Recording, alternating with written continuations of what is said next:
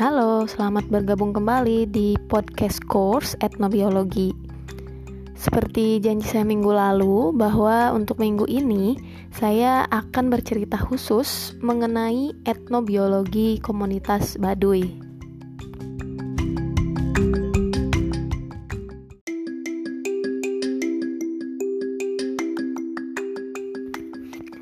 Di episode uh, kali ini, kita akan berbicara banyak mengenai banyak hal mengenai komunitas Baduy, mulai dari asal usul, kemudian kosmologi, kemudian sistem pertanian, ada lagi uh, mengenai kepercayaan atau religi, hingga ke nilai-nilai konservasi alam yang uh, telah lama dilestarikan atau diterapkan di komunitas Baduy itu sendiri.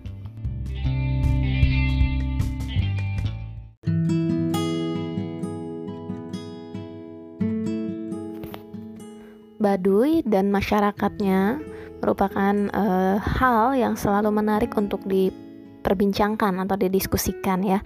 Bagaimana uh, etnis atau masyarakat ini uh, tatanan kehidupannya sangat berpegang teguh kepada aturan dan norma adat yang ada gitu. Sehingga uh, segala tindak tanduk dalam kehidupannya sehari-hari itu bisa selaras dengan alam gitu. Maka tidak heran jika uh, etnis atau masyarakat Baduy ini uh, hingga saat ini terkenal sebagai salah satu uh, masyarakat atau komunitas yang berhasil melestarikan hutan dan alamnya. Oke. Okay.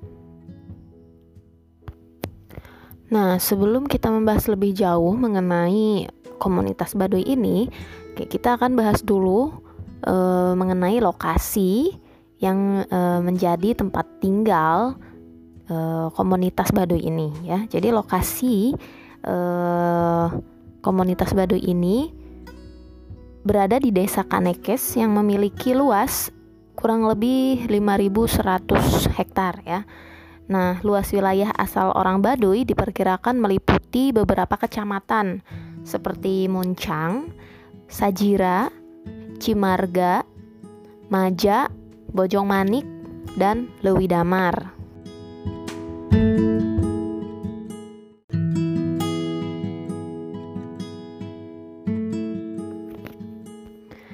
Kemudian untuk demografi, jadi dari tahun ke tahun komunitas Baduy ini masyarakatnya terus mengalami uh, peningkatan ya. Misalnya nih dari tahun 1888 uh, yang awalnya hanya berjumlah 291 orang dan itu pun menyebar di 10 kampung hingga tahun uh, 1966 itu jumlahnya sudah mencapai 3935 orang ya.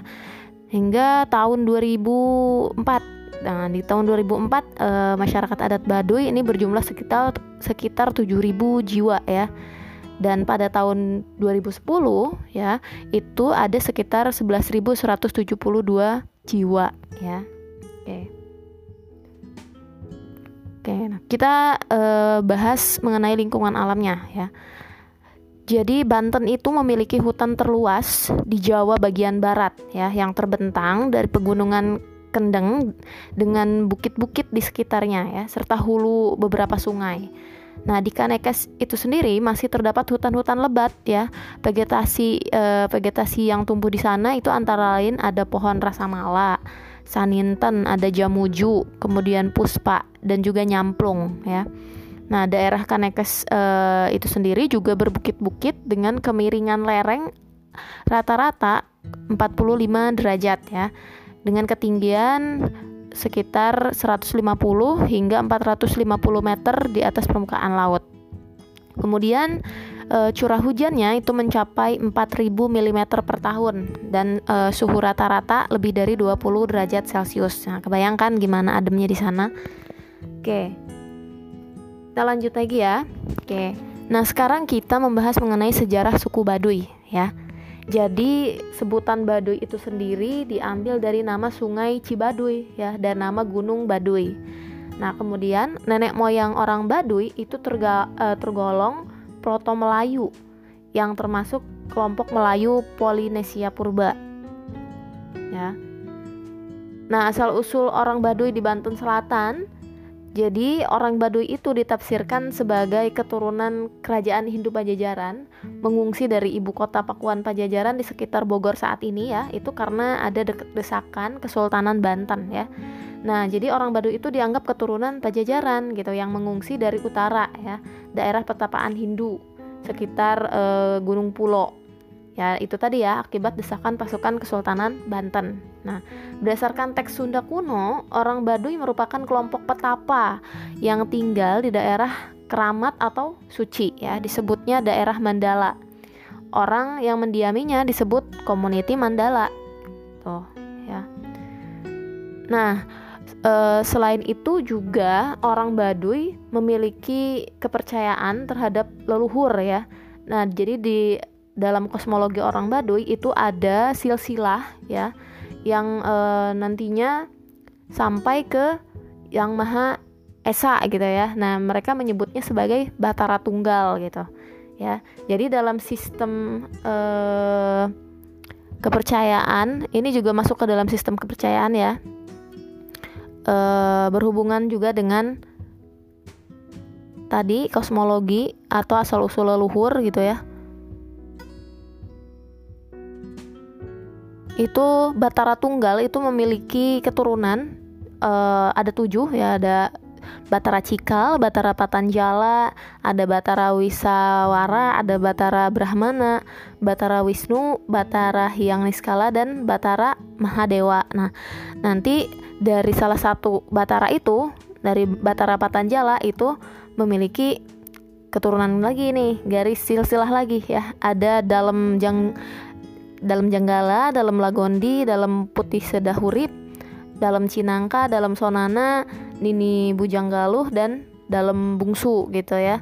Nah, kemudian dari dalam-dalam tersebut nah itu yang uh, punya keturunan lagi. Nah, di situ ada puun-puun atau uh, tadi leluhur-leluhur yang ada di uh, kepercayaan atau kosmologi komunitas Baduy gitu ya kita bahas di sini. Nah, di kosmologi orang Baduy, asal muasal dunia atau bumi gitu ya. Jadi mereka percaya bahwa bumi berasal dari masa kental dan bening, lama kelamaan mengeras dan melebar gitu. Titik awal diciptakan bumi itu menurut mereka itu berada di daerah hutan Pusaka Buana pada Ageng ya di Arca Domas eh, sekitar hulu sungai Ciujung ya di selatan Cikesik Baduy dalam. Nah, kemudian Batara Cikal itu salah satu dari tujuh Batara tadi ya, yang dianggap leluhur orang Baduy.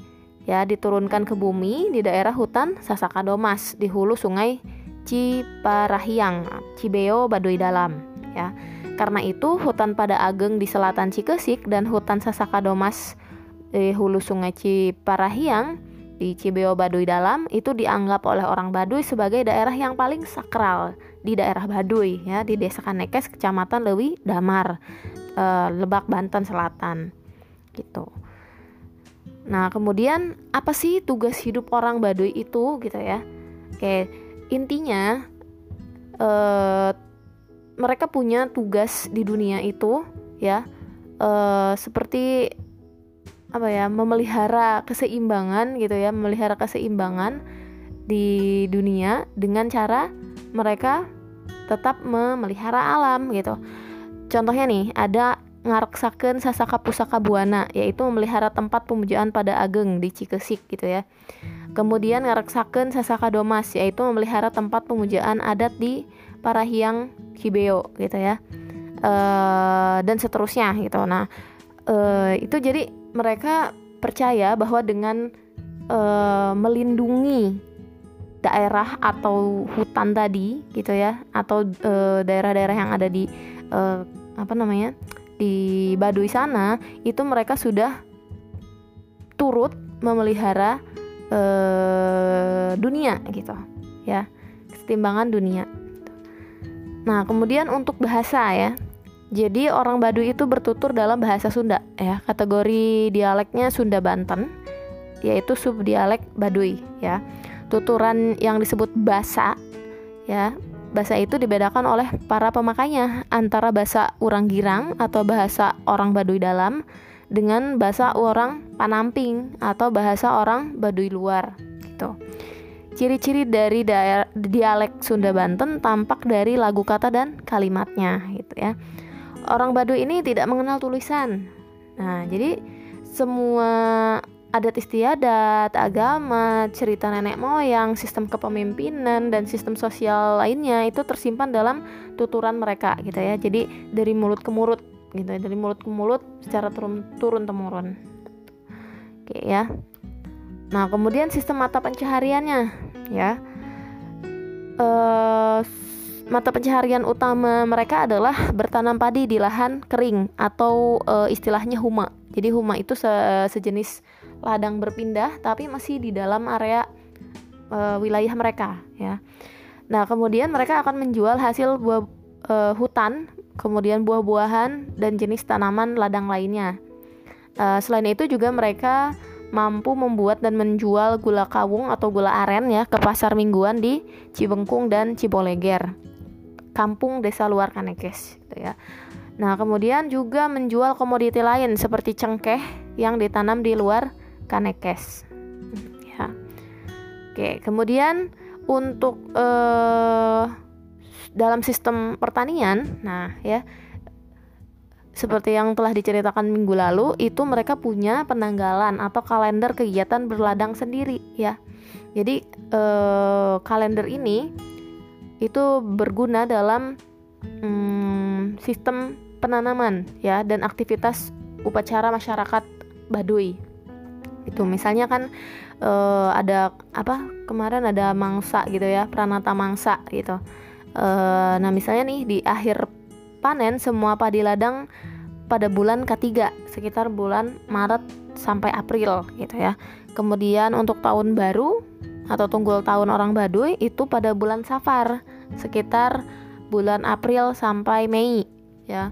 Kemudian Puun ziarah ke hutan sakral itu pada bulan Kalima atau sekitar Mei Juni ya. Oke. Nah, masyarakat Baduy atau komunitas Baduy juga sudah mengenal berbagai macam uh, sistem teknologi ya walaupun masih sederhana tapi mereka sudah uh, mengembangkan berbagai teknologi. Misalnya ada konstruksi jembatan ya biasanya dari bambu-bambu gitu karena di sana juga uh, apa namanya tumbuhan bambu itu masih masih terpelihara dengan baik ya. Kemudian ada sistem penyaluran air bersih ya. Lalu ada terasering pada tapak-tapak rumah ya Lalu ada e, pembuatan kain. Nah, pembuatan kainnya ini menggunakan benang serat dan pewarna alami ya. Lalu ada juga yang membuat berbagai macam perkakas hmm, pandai besi gitu ya. Lalu ada e, sistem penyimpanan hasil panen berupa padi ya. Itu namanya leit ya. Jadi leit ini itu tempat penyimpanan hasil panen atau padi yang bisa e, bertahan uh, lama bertahun-tahun gitu ya. Dan yang jelas dia anti tikus gitu. Oke untuk sistem pengetahuan ya. Sistem pengetahuan sendiri uh, mereka cukup banyak pengetahuan tentang tumbuh-tumbuhan dan binatang ya cukup luas nama jenis padi di sana juga uh, ada banyak ya. Ada Langgasari misalnya itu e, nama suatu lakon pantun Baduy gitu ya. Kemudian jenis-jenis padi yang e, disebut menurut warnanya misalnya ada pare berem, pare bodas, pare hideng, pare koneng dan lain-lain gitu ya.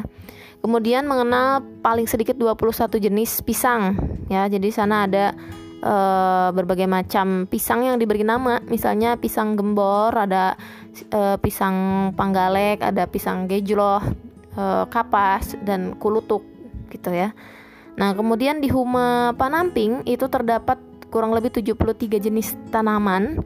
E, di Huma Tangtu ada 53 jenis tanaman gitu ya. Ada sayuran, e, kemudian kayu bakar dan bahan bangunan, obat-obatan serta pangan karbohidrat ya. Orang Baduy juga tidak menggunakan racun ya untuk menangkap binatang buruan dan ikan. Gitu. Itu dilarang kelas di sana. Oke.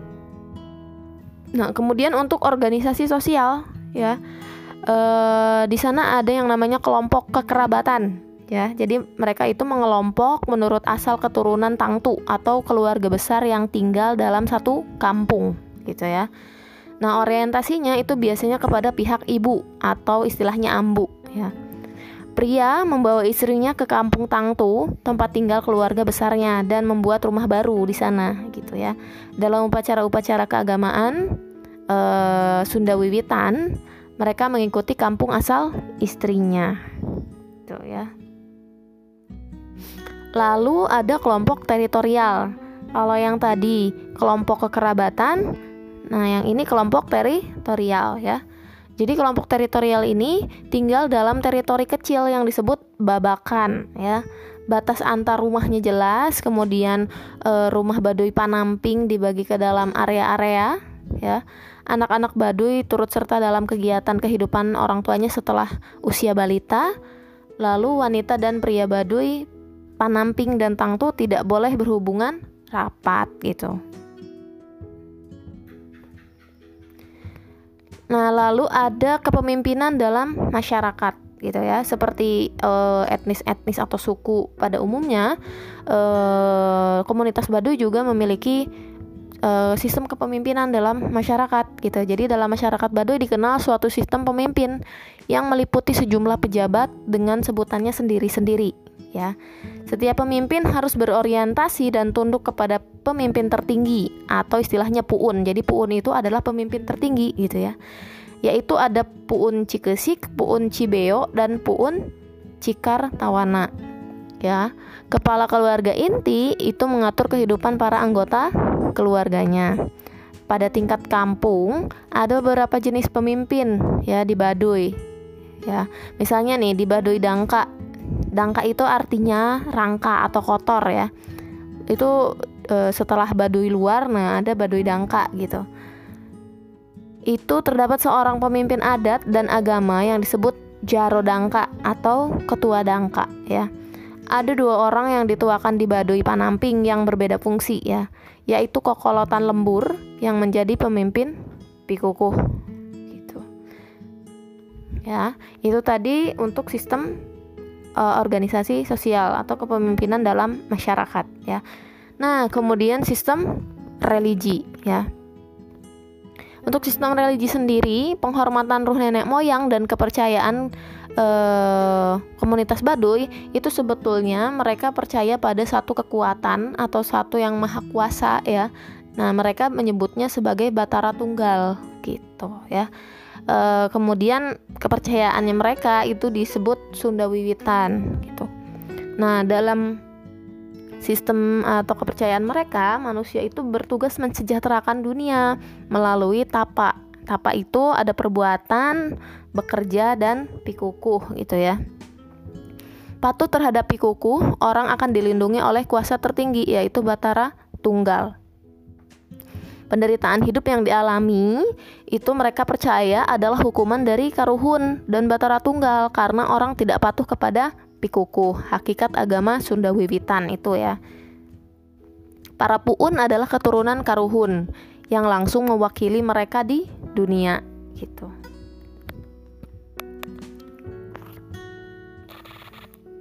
Nah kemudian eh, kewajiban puun tadi ya yaitu untuk memelihara Sasaka Pusaka Buana dan Sasaka Domas gitu ya. Mengasuh para bangsawan, bertapa, berbakti kepada Dewi Padi, memuja nenek moyang dan membuat bahan pokok seba ya. Jadi karuhun e, itu merupakan generasi-generasi pendahulu yang sudah meninggal gitu ya. Mereka berkumpul di Sasaka Domas ya menurut kepercayaan mereka karuhun dapat menjelma atau datang dalam bentuk asalnya menengok para keturunannya dan jalan untuk masuk ialah melalui hutan kampung tadi gitu ya. Nah, kemudian ada juga sebutan Guriang dan Sanghyang yang dianggap penjelmaan para karuhun untuk melindungi para keturunannya dari segala mara bahaya, ya. Wangatua e, itu adalah sebutan untuk ruh atau penjelmaan dari ruh ibu bapak yang sudah meninggal dunia, gitu ya. Di konsep lain dalam religi orang Baduy itu ada juga keambuan atau ambu ya ambu itu artinya ibu suci ya. Menurut orang Baduy ada tiga ambu yang penting ya, yaitu ambu luhur di buana luhur atau atas ya, ambu tengah di buana panca tengah, dan ambu, ambu rarang di buana handap.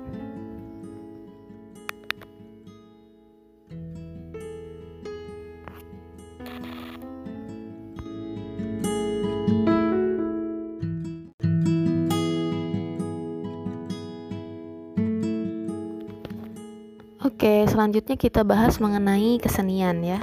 Jadi e, untuk kesenian seperti halnya di daerah Jawa Barat lain pada umumnya, gitu. Jadi e, Jawa Barat itu lekat dengan namanya bambu gitu ya. Jadi di Jawa Barat itu ada berbagai macam jenis e, apa namanya alat musik gitu ya, alat musik yang terbuat dari bambu.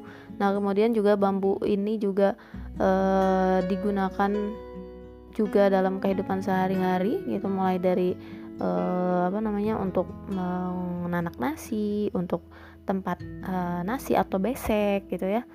Uh, di pekarangan rumah sebagai pagar dan lain sebagainya gitu ya. Oke nah di Baduy itu sendiri juga uh, salah satu alat musiknya adalah angklung ya. Kita tahu angklung itu materialnya dari bambu gitu. Jadi angklung ini biasanya mengiringi, mengiringi perjalanan padi ya ke Huma gitu. Nah, seperangkat alat musik ini terdiri dari 9 buah angklung ya ditambah dengan tiga buah gendang kecil gitu ya. Ya sejenis bedug gitu ya, ketuk dan talingting. Nah, kemudian untuk musik angklung ini dikenal kira-kira ada 20 jenis lagu ya dan di Baduy Panamping musik angklung juga digunakan untuk mengiringi tarian pada sore atau malam hari ya. Di Baduy Tangtu ya, malam sebelum e, tanam padi itu biasanya diadakan pantun ya yaitu permainan kecapi yang pemainnya merangkap menjadi juru pantun ya untuk membawakan cerita ya di situ. Nah, kemudian ada gamelan. Nah, gamelan ini adalah salah satu jenis musik di Baduy Panamping ya yang dimainkan dalam upacara perkawinan gitu. Selain itu dikenal juga berbagai alat musik tiup e, dan gesek. Mereka mengenal paling sedikit tiga jenis suling, ya suling bambu dan toleot. Gitu. Oke, selanjutnya adalah kearifan dalam konservasi alam. Nah ini yang penting ya. Oke. Bagi masyarakat Baduy, hutan itu dianggap sakral sehingga masyarakat adat menghormati kawasan hutan mereka gitu ya. Konsep pengelolaan e, lingkungan dengan sistem zonasi juga telah dikenal dan dipraktekkan masyarakat Baduy secara turun temurun ya. Nah, dalam pengelolaan daerah Baduy berdasarkan kesakralannya, jadi kalau bisa digambarkan itu misalnya ada e, e, tiga lapis lingkaran gitu ya. Nah, e, di lingkaran paling dalam itu adalah Sasaka Domas tadi yang e, dipercaya oleh mereka itu tempat turunnya e, tadi apa Batara itu ya Batara itu turunnya di Sasaka Domas. Nah kemudian di lingkaran lapis kedua itu adalah daerah Baduy Dalam atau Tangtu ya. Jadi daerah ini sakral ya dianalogikan dengan zona penyangga. Oh ya tadi yang Sasaka Domas itu itu daerah paling sakral ya.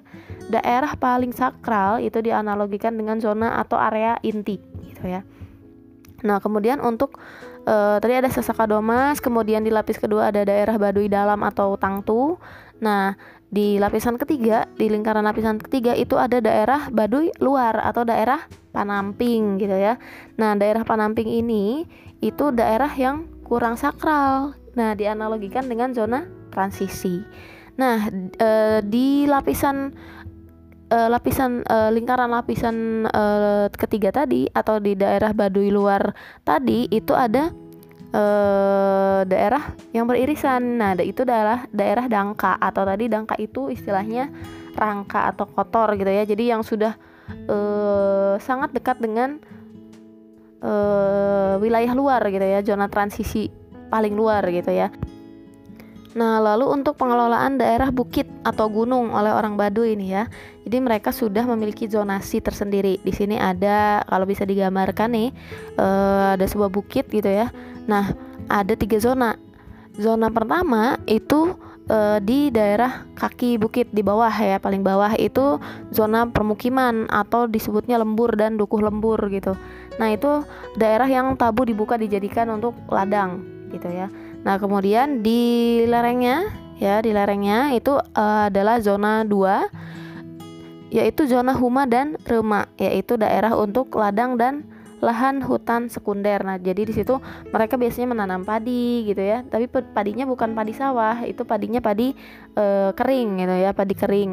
Dan juga mereka di lahan hutan sekunder itu biasanya menanam beberapa tumbuhan e, non non padi ya, seperti ada e, apa namanya nira, kemudian ada sejenis tanaman lada dan lain sebagainya gitu ya.